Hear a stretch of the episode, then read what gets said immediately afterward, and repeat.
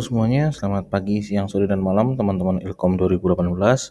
Uh, berjumpa kita ke podcast Ngobrol Ngabri, Ngobrol Asik, Akademis Berisi Komedi. Pada pertemuan podcast kali ini kita akan membahas mengenai reportase investigasi, khususnya bagian esensi investigasi. Tapi sebelum itu kita mungkin akan membahas investigasi yang di mana dalam investigasi itu terdapat sebuah perdebatan apakah investigasi itu termasuk karya jurnalistik atau investigasi itu sebagai teknik jurnalistik. Tanpa berlama-lama lagi, mari kita mulai podcast hari ini.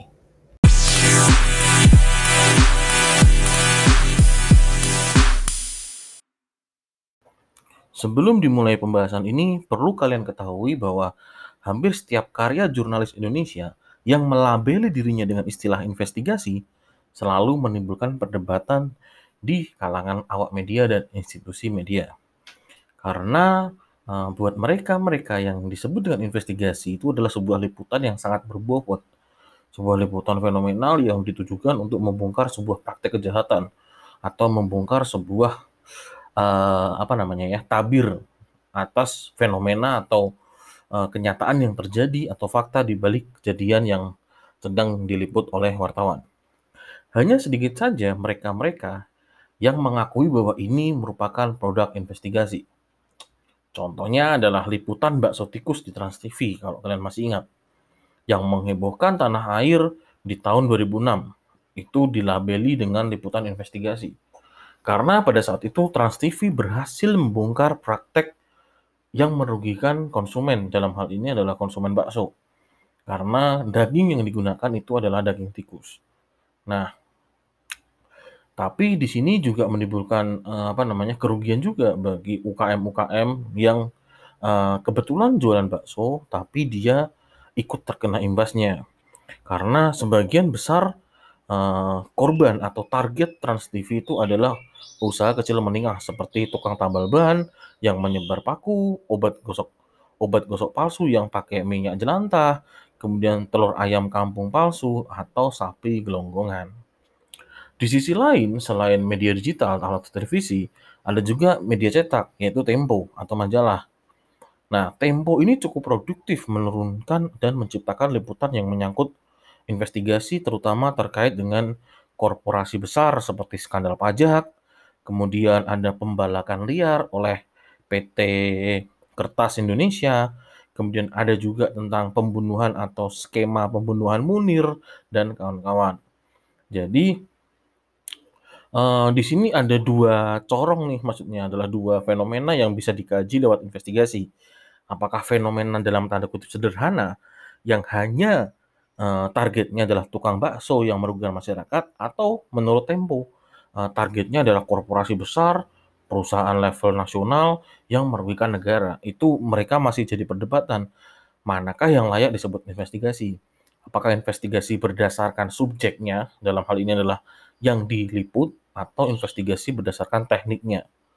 Nah, maka dari itu eh, dalam esensi investigasi ini muncullah dua cabang. Yang pertama adalah yang menganggap investigasi sebagai produk atau karya jurnalistik, sedangkan yang kedua adalah mereka-mereka yang menganggap investigasi hanya sebagai teknik yang digunakan dalam peliputan. Nah, Uh, selain di uh, diperdebatkan dalam hal besar kecilnya subjek liputan, juga di sini juga pernah dipermasalahkan tentang durasi atau tebalnya sebuah halaman kalau berbicara dengan uh, terhadap media cetak ya. Bes, uh, tebalnya sebuah halaman berita investigasi. Contoh adalah uh, kita kenal Bondan Wirnarno yang Bapak Kuliner Indonesia itu dulu adalah seorang wartawan. Dia bergelut atau beliau bergelut di dunia investigasi. Pernah suatu saat Bondan Wirnarno membahas mengenai skandal Busang setebal 270 halaman. Skandal Busang ini adalah skandal tentang uh, pembunuhan bersaudara yang melibatkan atau yang kaitannya dengan minyak bumi. Jadi uh, Bondan Wirnarno pernah membuat sebuah liputan atau laporan dalam hal ini dalam media cetak setebal 270 halaman dan oleh orang-orang itu langsung disebut dengan investigasi karena melihat panjangnya dan banyaknya halaman yang dibutuhkan untuk menceritakan liputan yang dilakukan oleh Bondan Winarno. Demikian juga liputan wartawan Tempo yang uh, berhasil membongkar tentang kronologi pembunuhan Munir. Nah, itu juga itu kalau kaitannya dengan banyak atau tebalnya uh, halaman yang dibutuhkan untuk menceritakan sebuah liputan. Nah, secara fisik, laporan-laporan itu panjang lebar atau memakan beberapa halaman majalah tentunya.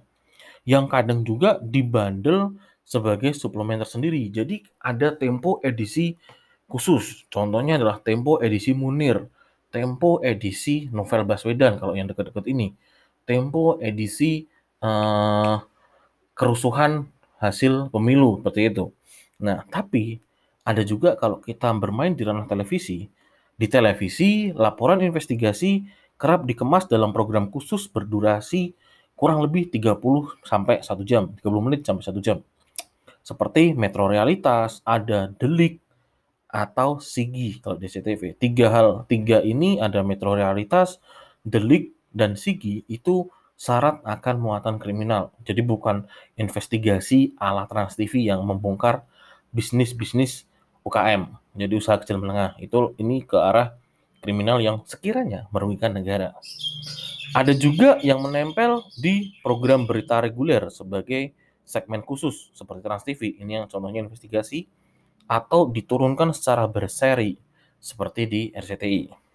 Nah, melihat hal tersebut, tentu saja laporan yang panjang belum tentu laporan investigasi. Sebaliknya, laporan pendek atau tayangan 5 menit di televisi bisa bisa saja merupakan laporan investigasi. Di sisi lain, seorang wartawan yang tekun mengendap dan akhirnya menemukan lokasi penggelonggongan sapi, lalu merekam aktivitas itu dengan kamera tersembunyi, kemudian menyiarkannya dengan durasi 5 menit, biasanya juga disebut karya investigasi. Padahal dia dalam tanda kutip hanya menggunakan teknik investigasi. Demikian juga dengan wartawan yang menyamar dan duduk seharian di sebuah terminal di mana ia bisa mengamati transaksi antara Polantas dan calo angkutan yang membayar upeti agar diizinkan parkir atau ngetem untuk mencari penumpang di rambu larangan. Sang wartawan sebenarnya sedang menjalani salah satu proses dalam teknik investigasi, yakni observasi. Nah, teknik investigasi nanti akan kita jelaskan sendiri ya. Namun, produk laporannya nanti belum tentu bisa disebut sebagai karya jurnalisme investigasi. Produk atau karya investigasi pasti menggunakan teknik investigasi dalam proses peliputannya. Namun, teknik investigasi belum tentu menghasilkan karya jurnalisme investigasi. Kemudian muncul pertanyaan, lalu apa aja yang membuat sebuah produk liputan bisa disebut karya investigasi selain dia menggunakan teknik investigasi? Nah, di sini saya akan menjelaskan bahwa hampir semua jurnalis berpendapat bahwa status investigasi bukan ditentukan oleh panjang pendeknya laporan, atau apakah dia menggunakan teknik menyamar dalam liputannya, melainkan apakah laporan itu mengungkap kasus kejahatan terhadap kepentingan publik. Sama. Apakah laporan itu tuntas menjawab semua hal tanpa menyisakan sedikit pun pertanyaan? Karena biasanya kejahatan tersebut biasanya dilakukan secara sistematis. Jadi ibaratnya adalah Ketika kita membongkar sebuah praktek kejahatan, itu kita membongkar sedikit demi sedikit. Ibarat kita ngupas bawang. Kemudian yang kedua, ketiga, apakah laporan itu sudah mendudukan aktor-aktor yang terlibat disertai buktinya? Karena sistematis, maka dalam kejahatan itu biasanya ada pembagian peran, aktor pengecoh, dan kambing hitam atau pengalih perhatian. Serta yang terakhir, apakah pembaca atau pendengar atau penonton sudah paham dengan kompleksitas masalah yang dilaporkan. Jadi uh, kalau yang terakhir ini adalah uh, publik tahu bahwa wah ternyata kejahatannya itu sampai dilakukan sedetail itu, seribet itu hingga publik merasa tidak sadar kalau sebenarnya dia sedang dibodohi atau dia sedang dirugikan. Itu. Jadi maka secara garis besar jurnalisme investigasi biasanya memenuhi elemen-elemen sebagai berikut. Pertama nih, mengungkap kejahatan terhadap kepentingan publik atau tindakan yang merugikan orang lain. Yang kedua, skala dari kasus yang diungkap cenderung terjadi secara luas atau sistematis, ada kaitannya dengan atau ada kaitannya atau ada benang merahnya. Kemudian ada yang ketiga adalah menjawab semua pertanyaan penting yang muncul dan memetakan persoalan dengan gamblang. Yang keempat, mendudukan aktor-aktor yang terlibat secara lugas didukung bukti-bukti yang kuat. Yang kelima, publik bisa memahami kompleksitas masalah yang dilaporkan dan bisa membuat keputusan atau perubahan berdasarkan laporan itu. Jadi sekarang, tanpa kelima elemen tersebut, sebuah laporan panjang barangkali hanya bisa disebut sebagai laporan mendalam atau in-depth reporting. Untuk mendapatkan kelima hal di atas, tentu saja ada metode atau teknik yang bisa digunakan, yakni teknik investigasi. Jadi, teknik investigasi seperti mendapatkan dokumen atau penyamaran hanya salah satu subelemen saja dalam jurnalisme investigasi. Selanjutnya, kita akan mendiskusikan mengenai bagaimana investigasi sebagai teknik liputan. Nah, kalau saya kalau saya uh, seperti yang saya bilang tadi bahwa ada taruh kata ada liputan tentang sapi gelonggong, gitu kan? Nah, tapi laporannya belum bisa disebut sebagai laporan investigasi. Itu karena ada beberapa tahapan yang mungkin bisa dilakukan oleh wartawan yang meliput sapi gelonggong tersebut untuk melengkapi footage-footage atau informasi-informasi yang bisa didapatkan untuk memperkuat laporan atau mempertebal informasi yang sudah dia dapat. Mendapatkan rekaman video atau footage, proses penggelongan sapi di lokasi tertentu jelas membutuhkan penguasaan teknik-teknik investigasi. Setidaknya sebagai jurnalis televisi, dia akan melakukan hal-hal di antaranya nih. Yang pertama, ketika ingin dapat uh, footage tentang penggelongan sapi ya, yang pertama adalah si wartawan harus membekali dirinya dengan pengetahuan yang bisa membedakan mana daging segar dan mana daging gelonggongan. Ya kalau wartawan nggak bisa membedakan daging segar sama daging gelonggongan ya nggak akan jalan itu liputan tentang sapi gelonggong karena uh, kalau kalau uh, bagaimana kita bisa tahu bahwa sapi itu digelonggong atau tidak, yang paling gampang adalah dari dagingnya. Setelah itu, nomor dua, dia harus tekun memantau rumah-rumah pemotongan hewan atau meyakinkan salah satu penjual daging di pasar di mana dia memperoleh, dia itu adalah penjualnya, memperoleh daging yang kadar airnya sangat tinggi. Jadi ketika si wartawan ini sudah bisa membedakan antara daging segar dan daging gelonggong, dia akan uh, menahan untuk nggak langsung tanya, Bu dapat daging ini di mana, tapi dia akan tanya dulu, pendekatan dulu, kemudian dia akan bertanya kepada ibunya, Bu dapat daging ini dari RPH mana atau rumah pemotongan hewan mana. Kemudian nomor tiga, di rumah hewan, uh, rumah pemotongan hewan yang sudah disebutkan oleh penjualnya tadi, barangkali nggak langsung ditemukan dong proses penggelonggongan. Nah, tapi dia hanya bisa, wartawan itu hanya bisa mengamati truk-truk yang datang dan menurunkan sapi yang telah digelonggong di lokasi lain. Jadi uh, setelah tahu di di mana RPH-nya, Kemudian wartawan itu datang ke RPH tempat uh, penggelonggongan itu atau tempat di mana sapi itu dipotong. Uh, dia udah datang ke sana, kemudian dia melihat situasi dan kondisi bahwa oh ternyata RPH ini hanya terima motong. Berarti uh, secara nggak langsung bahwa sapi ini digelonggong di tempat lain, digelonggong di tempat di mana sapi ini berasal. Itu. Nah, dengan uh, tekniknya atau dengan kekepoannya atau keingintahuannya, dia mengikuti secara tidak langsung ke mana truk itu pergi untuk mengambil sapi. Sapi yang telah digelonggong, digelonggong tentunya. Nah, kemudian setelah itu uh, kemudian uh, diketahuilah tempat di mana sapi itu menggelonggong dan pada akhirnya uh, seiring berjalannya waktu si wartawan itu menyamar dan uh, mendapatkan footage atau gambar mengenai prosesi atau saat momen-momen sapi itu digelonggong oleh air. Nah, itu adalah salah satu contoh teknik liputan investigasi yang uh, secara garis besar di mana hanya berawal dari daging berakhir ke tempat penggelonggongan. Nah, itu adalah salah satu contoh teknik liputan investigasi. Nah, pertanyaan-pertanyaan atau pernyataan di atas itu uh, itu bukan mencari-cari kesalahan atau membuat atau membuat buat berita ya atau membuat mengimajinasikan berita, tapi sekali lagi wartawan investigasi itu harus skeptis, harus nggak percayaan gitu Kalau wartawan investigasi percayaan, ya udah kalian nggak akan bisa memverifikasi lebih lanjut tentang informasi yang kalian dapat. Barangkali uh, sikap skeptis itu merupakan tuntutan standar jurnalisme yang baik dan benar. Sehingga tak heran bila banyak wartawan yang uh, yang sampai pada premis di mana ada sebuah uh, premis atau quote yaitu adalah jurnalisme yang baik selalu investigatif.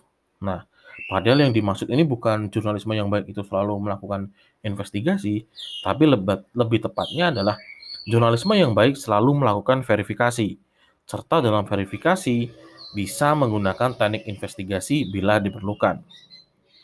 Kemudian, untuk memudahkan gambaran, barangkali lawan katanya dari jurnalisme yang baik itu adalah jurnalisme jumpa pers.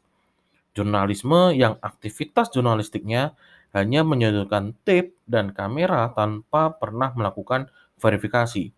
Ini pernah saya bahas dalam mata kuliah jurnalisme kontemporer ada bad journalism.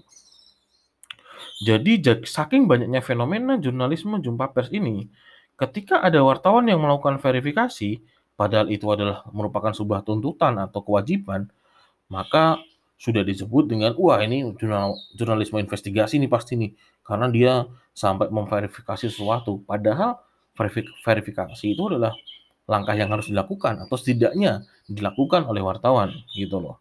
Jadi itu adalah bentuk dari uh, jurnalisme uh, investigasi sebagai teknik liputan. Investigasi sebagai liputan pada intinya adalah uh, bagaimana caranya seorang wartawan itu melakukan verifikasi atas informasi yang dia dapat atau menggali informasi dalam tujuan untuk uh, kepentingan publik agar publik tahu bahwa atau setidaknya publik tahu bedanya daging gelonggong dan tidak. Setelah publik tahu bedanya daging gelonggong atau tidak, publik juga wajib tahu bagaimana proses daging daging gelonggong itu terbentuk seperti itu. Nah, terkadang di sisi lain mungkin ada nih wartawan yang uh, aneh dalam tanda kutip atau nyeleneh di mana kasus perselingkuhan abadi, perselingkuhan asmara, asmara pribadi, ya kan ini kan yang kasus abadi di infotainment nih kasus perselingkuhan atau asmara dari artis bisa saja di, diungkap dengan teknik investigasi, ya kan? Jadi kayak investigasi di trans di RCTI, di MNC yang dia uh, infotainment tapi di dunia investigasi itu uh, tidak bisa disebut dengan laporan investigasi. Karena apa? Karena tidak ada elemen kepentingan umum, kepentingan publik ketika ada wartawan yang wartawan infotainment yang bilang bahwa ayolah dijawab ini demi kepentingan publik. Nah, itu yang harus dipertanyakan. Kepentingan publik yang mana gitu loh. Apakah kepentingan kita harus tahu apa yang selebritis uh, itu lakukan kan juga tidak gitu loh. Jadi uh, wartawan investigasi infotainment, investigasi artis itu uh, tidak ada elemen kepentingan umum atau kejahatan pada publik yang dilanggar. Pun apabila ada perselingkuhan atau pelaku perselingkuhan itu adalah pejabat publik, bukan kejahatan publik, ya kan? Itu adalah kepentingan pejabat publik, bukan kepentingan uh, bukan kejahatan kepada publik seperti itu. Jadi uh, jangan mengira bahwa infotainment artis itu merupakan produk investigasi itu tidak. Karena yang pertama uh, tidak kepentingan umum dan yang kedua tidak ada atau tidak uh, tidak adanya kejahatan yang dilakukan artis itu terhadap publik seperti itu.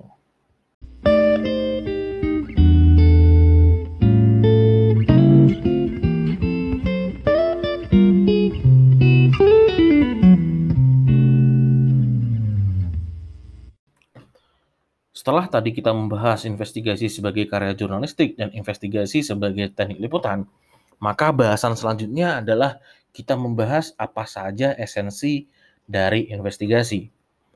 Uh, yang pertama adalah esensi investigasi tentang investigasi itu bukan soal besar kecilnya isu. Nah, hal ini dimulai dari pemikiran seorang alumni peliput jurnalisme perang, yaitu adalah Farid Gaban. Dia adalah orang dari Tempo.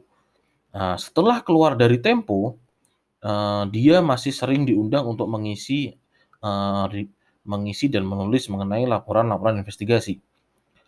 Farid termasuk orang atau kelompok jurnalis yang menentang permitosan investigasi sebagai liputan yang canggih dan harus membedah persoalan-persoalan rumit atau high politics.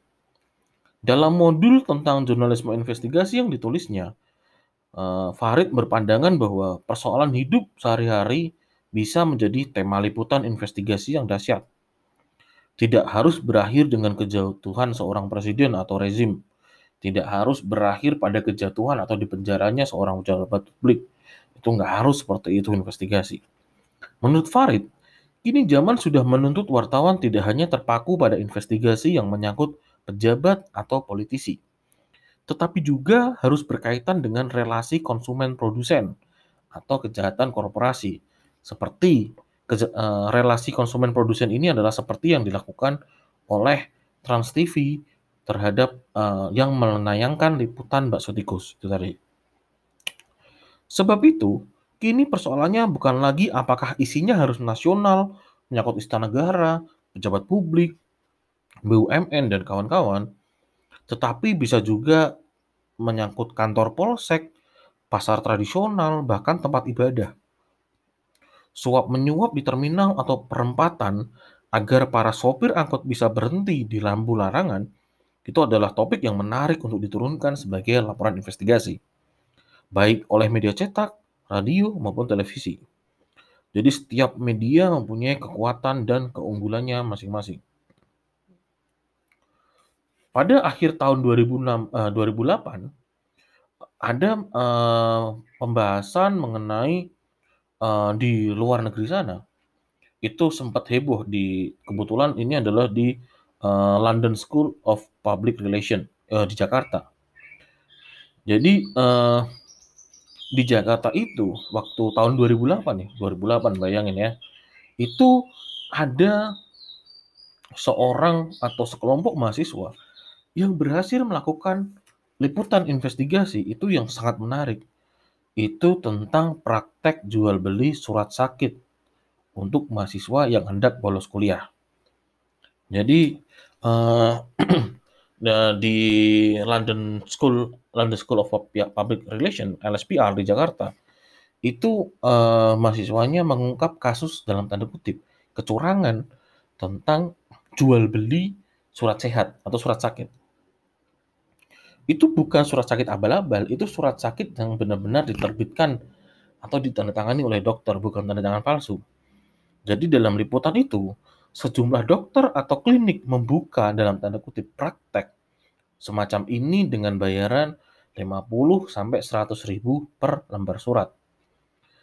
Ada juga yang mengungkap praktek pembuatan kuitansi atau struk palsu berlogo kampus-kampus ternama untuk mengelabui orang tua. Nah, modusnya jelas, bayar SPP, kemudian uh, urunan pembangunan dan kawan-kawan seperti itu. Setelah uh, setelah uang diterima, mahasiswa tinggal mendatangi si pemalsu dokumen untuk dibuat, dibuatkan kwitansi atau tanda terima dengan logo kampusnya. Yang lebih gila lagi, yang pemalsu dokumen itu punya logo dari uh, macam-macam kampus di Indonesia. Itu yang lebih gila. Kemudian ada sebuah praktek pemalsuan juga di Jatinegara. Itu adalah pemalsuan IPK. Nah, itu eh, di sana ada sebuah fotokopian nih ya, fotokopian di mana fotokopian itu ada ijazah-ijazah atau transkrip transkrip di semua PTN dan PTS di Jabodetabek. Jadi kalau mau ke sana mau malsu ijazah atau biar uh, setor nilai EPK ke orang tua nggak malu-malu banget, nah bisa datang ke Jatinegara untuk kemudian dibuatkan transkrip palsu seperti itu. Gila ya. Nah, uh, ada lagi uh, jadi di sini uh, esensinya adalah gak harus kalian misal kalau yang ingin mencari atau membuat liputan investigasi itu kalian gak harus bikin liputan yang mewah yang uh, bombastis dan kawan-kawan itu nggak harus kok. Uh, di sini itu kalian bisa mengangkat topik apa saja topik pemalsuan ijazah kemudian topik uh, surat sakit dan kawan-kawan itu di situ saya tidak mempermasalahkan karena ini bukan kalian nggak harus mengungkap tabir di balik kampus, kemudian kejahatan-kejahatan yang uh, miras dan kawan-kawan itu nggak harus, tapi kejahatan-kejahatan sederhana yang sebenarnya meresahkan dan layak untuk diliput, tapi nggak ada orang yang mau, itu malah yang uh, paling saya tekankan. Jadi uh, mengingat bentuk jurnalisme sekarang yang cair, kemarin di kontemporer sudah saya jelaskan di mana jurnalisme sekarang itu cair ya kan. Jadi uh, cair dalam bentuk uh, dalam bentuk dalam bentuk wujud liputan maupun isi liputan, wartawan sekarang tidak hanya terpaku dalam investigasi masalah kriminal, tetapi saat ini investigasi juga dapat berhubungan dengan sesuatu yang mengandung human interest atau potret kehidupan yang menimbulkan rasa simpati kepada seseorang. Uh, kalau dalam kuliah ini, film dokumenter itu kalian bisa masukkan di situ. Kalian bisa bikin investigasi. Uh, tapi yang pasti adalah investigasi di sini saya tekankan adalah investigasi dalam hal teknik liputan. Bagaimana kalian mengemas sebuah liputan dokumenter yang seru, yang menjawab semua pertanyaan masyarakat tentang hal tersebut, untuk kemudian uh, pada endingnya itu adalah untuk informasi kepada masyarakat agar masyarakat bisa tahu dan mungkin akan merubah perilaku masyarakat atau pendapat masyarakat mengenai topik yang sedang kalian angkat. Itu tentang investigasi. Dalam hal uh, esensi investigasi yang pertama yaitu bukan soal besar kecilnya isu. Upaya Farid Gaban mengkampanyekan investigasi dengan topik-topik sehari-hari juga dilakukan oleh media besar seperti The Philadelphia Inquirer di Amerika.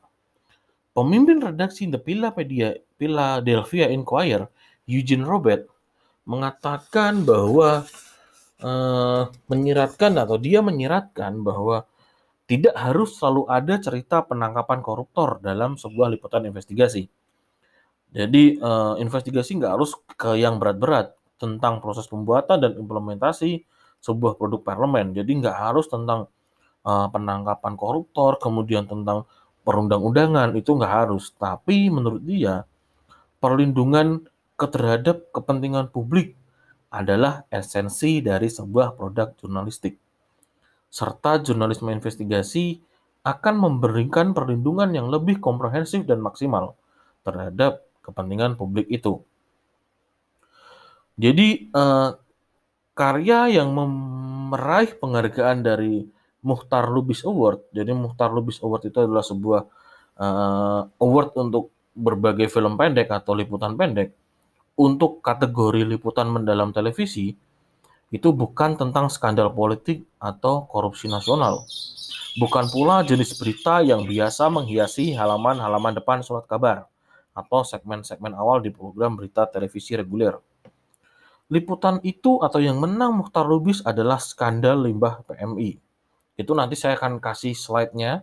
Kemudian itu ada link YouTube, silahkan kalian klik di situ ya. Uh, skandal limbah PMI, yakni tentang bagaimana Palang Merah Indonesia membuang limbahnya secara tidak bertanggung jawab. Jurnalis yang meliput adalah Monique Richgers, Alan Maulana, dan Amrul Hakim dari Astro Awaning yang ditayangkan secara berseri pada 22 hingga 25 Februari 2009. Dalam skandal limbah ini, Monik dan kawan-kawan dalam liputannya berhasil menelusuri dan menemukan tempat pembuangan limbah, termasuk darah tentunya, di sebuah lokasi di daerah Cianjur, Jawa Barat, di mana seharusnya limbah seperti itu dihancurkan dengan suhu 1500 derajat Celcius melalui uh, alat peng apa namanya ya, alat penghancur limbah gitu ya, seperti halnya limbah rumah sakit. Praktek ini disebut-sebut sudah terjadi selama 14 tahun. Dalam tayangannya terekam bagaimana limbah berupa kantong-kantong berisi darah dan juga jarum-jarum bekas pakai dibuang begitu saja di areal tanah terbuka dan bisa disentuh oleh warga setempat. Selain skandal limbah PMI, dalam Mukhtar Lebis Award lainnya, itu ada juga liputan tentang polemik puyer. Seperti kalian tahu, puyer itu adalah obat obat yang ditumbuk ya, yang ada bungkus kertasnya itu. Uh, polemik puyer itu adalah menceritakan tentang praktek pencampuran puyer di apotek-apotek atau klinik yang tidak memenuhi standar kelayakan. Apoteker atau tenaga medis kerap menumbuk aneka jenis obat di tempat yang sama tanpa membersihkan bekas tumbukan sebelumnya. Sehingga mau nggak mau terjadi pencampuran bahan-bahan kimia yang berpotensi membahayakan kesehatan terutama anak-anak karena puyer itu kan uh, sering atau paling banyak dikonsumsi oleh anak-anak. Jadi uh, dari situ uh, Mukhtar Lubis Award jurnalisme investigasi tidak melulu dituntut untuk membuat kejahatan atau untuk membuka kejahatan yang sifatnya parlementer atau pemerintahan. Tetapi jauh lebih dari itu, mereka dirasa lebih bermanfaat ketika mereka mampu dalam tanda kutip melindungi masyarakat dari praktek-praktek yang merugikan. Esensi investigasi yang kedua adalah wartawan, bukan polisi. Investigasi yang dilakukan jurnalis bukan investigasi dalam konsep kepolisian. Meski sebagian teknik yang digunakan bisa sama, seperti pengamatan, pengintaian, atau bahkan penyamaran, itu sama dengan apa yang dilakukan oleh polisi dan intel. Jadi, eh, namun jurnalis tetaplah jurnalis. Ia bekerja dengan batasan yang sangat jelas. Jurnalis tidak bisa menggeledah rumah atau kantor seseorang Jurnalis pun tidak bisa menyita dokumen. Jurnalis tak mungkin memanggil paksa memanggil paksa narasumbernya atau mustahil juga untuk menangkap seseorang. Yang jelas, dengan segala kewenangan dan keterbatasan jurnalis, wartawan investigasi dituntut menghasilkan laporan yang bermanfaat bagi publik dan gamblang mengurai siapa yang mesti bertanggung jawab. Meski demikian, tetap saja kebenaran jurnalistik bukanlah kebenaran hukum. Fakta jurnalistik juga tidak selalu sama dengan fakta hukum. Bila hasil investigasi wartawan tidak lebih hebat dari investigasi polisi atau jaksa, itu memang sudah kodratnya. Mustahil membandingkan hasil kerja jurnalis dengan aparat yang memiliki kewenangan menyita dokumen, menggeledah TKP, memanggil paksa, atau bahkan menangkap seseorang. Sedangkan lembaga hukum yang memiliki segudang kewenangan itu saja tak jarang masih melakukan peradilan sesat, masih saja salah tangkap. Jadi eh, pekerjaan jurnalis ini udah sama sebenarnya prosesnya, jurnalis investigasi ya. Prosesnya udah sama kayak polisi. Cuman ada keterbatasan seperti itu tadi. Dia nggak bisa uh, yang pertama adalah dia nggak bisa menyita dokumen, dia nggak bisa menggeledah TKP, dia nggak bisa memanggil paksa, bahkan dia juga nggak bisa menangkap seseorang. Jadi eh, kewenangannya saja yang berbeda antara jurnalis dengan jurnalis investigasi dengan polisi. Sebab itulah sebuah laporan investigasi yang baik tak harus berakhir dengan vonis penjara bagi aktor-aktor yang dianggap terlibat. Namun eh, laporan investigasi yang baik itu eh, dengan laporan tersebut masyarakat termasuk institusi hukum atau negara, bisa mengambil keputusan atau menindaklanjutinya. Jadi wartawan investigasi itu hanya uh, tugasnya selesai ketika liputan itu disiarkan. Bagaimana masyarakat menanggapi ataupun yang berwenang menindaklanjuti itu dikembalikan ke masing-masing pribadinya. Investigasi yang baik kadang justru menjungkir balikan hasil kerja aparat hukum yang kurang cermat atau kerjanya tercemari kepentingan tertentu. Nah, ini kerjanya tercemari kepentingan tertentu. Ini syarat makna sebenarnya. Jadi uh, polisi Nah, sebenarnya dua-duanya juga syarat makna ya. Wartawan mungkin juga bisa untuk kepentingan tertentu, polisi pun sama. Jadi uh, mau mana yang dipercaya itu biasanya endingnya adalah apa yang uh, ketika ada sebuah media atau wartawan yang dianggap memiliki kepentingan, dia pasti akan tercium oleh polisi yang lain, bukan polisi yang yang oknum ini ya, tapi polisi yang lain dia juga akan tercium oleh wartawan yang lain, bukan wartawan oknum ini tadi. Jadi uh, dia dalam tanda kutip akan diadili oleh teman-teman seprofesinya. Itu. Maka sudah waktunya kita menanggalkan beban besar di pundak bahwa liputan investigasi harus meringkus penjahat. Jadi sudah waktunya kita gak berpikiran lagi bahwa investigasi itu harus meringkus penjahat. Kemudian investigasi harus melengsarkan penjabat. Investigasi harus mengungkap sebuah uh, perilaku kriminal yang sudah dilakukan menahun. Itu jadi tolong pemikiran itu disingkirkan. Jadi bahwa hasil hasil dari kerja keras kita terhadap uh, dalam kita dalam menghasilkan liputan investigasi itu berujung pada pengadilan seorang jenderal. Jadi uh, ketika hasil liputan investigasi kita itu berujung pada mungkin penangkapan polisi yang membackup atau penangkapan eh, orang-orang yang melakukan praktek di gelonggong sapi itu tadi contohnya itu anggap saja cuma bonus. Itu anggap saja cuma bonus. Jadi uh, misi kita itu adalah mengungkapkan kejahatan publik. Misi kita yang pertama adalah itu. Yang kedua adalah misi kita adalah uh, menginformasikan kepada kalayak bahwa sebenarnya ini loh yang terjadi, ini loh yang terjadi di luar sana, itu. Jadi uh, imbas dari liputan kita, entah itu dalam hal uh, ada pejabat yang ditangkap dari liputan kita, atau ada eh, orang-orang yang bermain dalam ranah itu ditangkap, itu merupakan bonus dari kerja keras kita selama ini dalam menghasilkan liputan investigasi.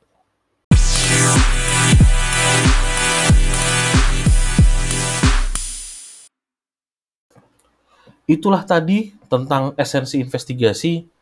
Pada pertemuan yang akan datang, kita akan membahas mengenai modal investigasi. Eh, dalam modal investigasi ada lima modal dasar yang harus dimiliki wartawan investigasi dalam melakukan liputannya.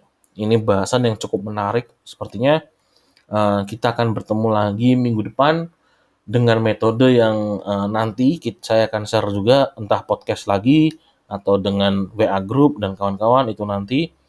Uh, maka dari itu uh, hari ini atau podcast kali ini tentang esensi investigasi saya akhiri. Terima kasih yang sudah mendengarkan sampai selesai.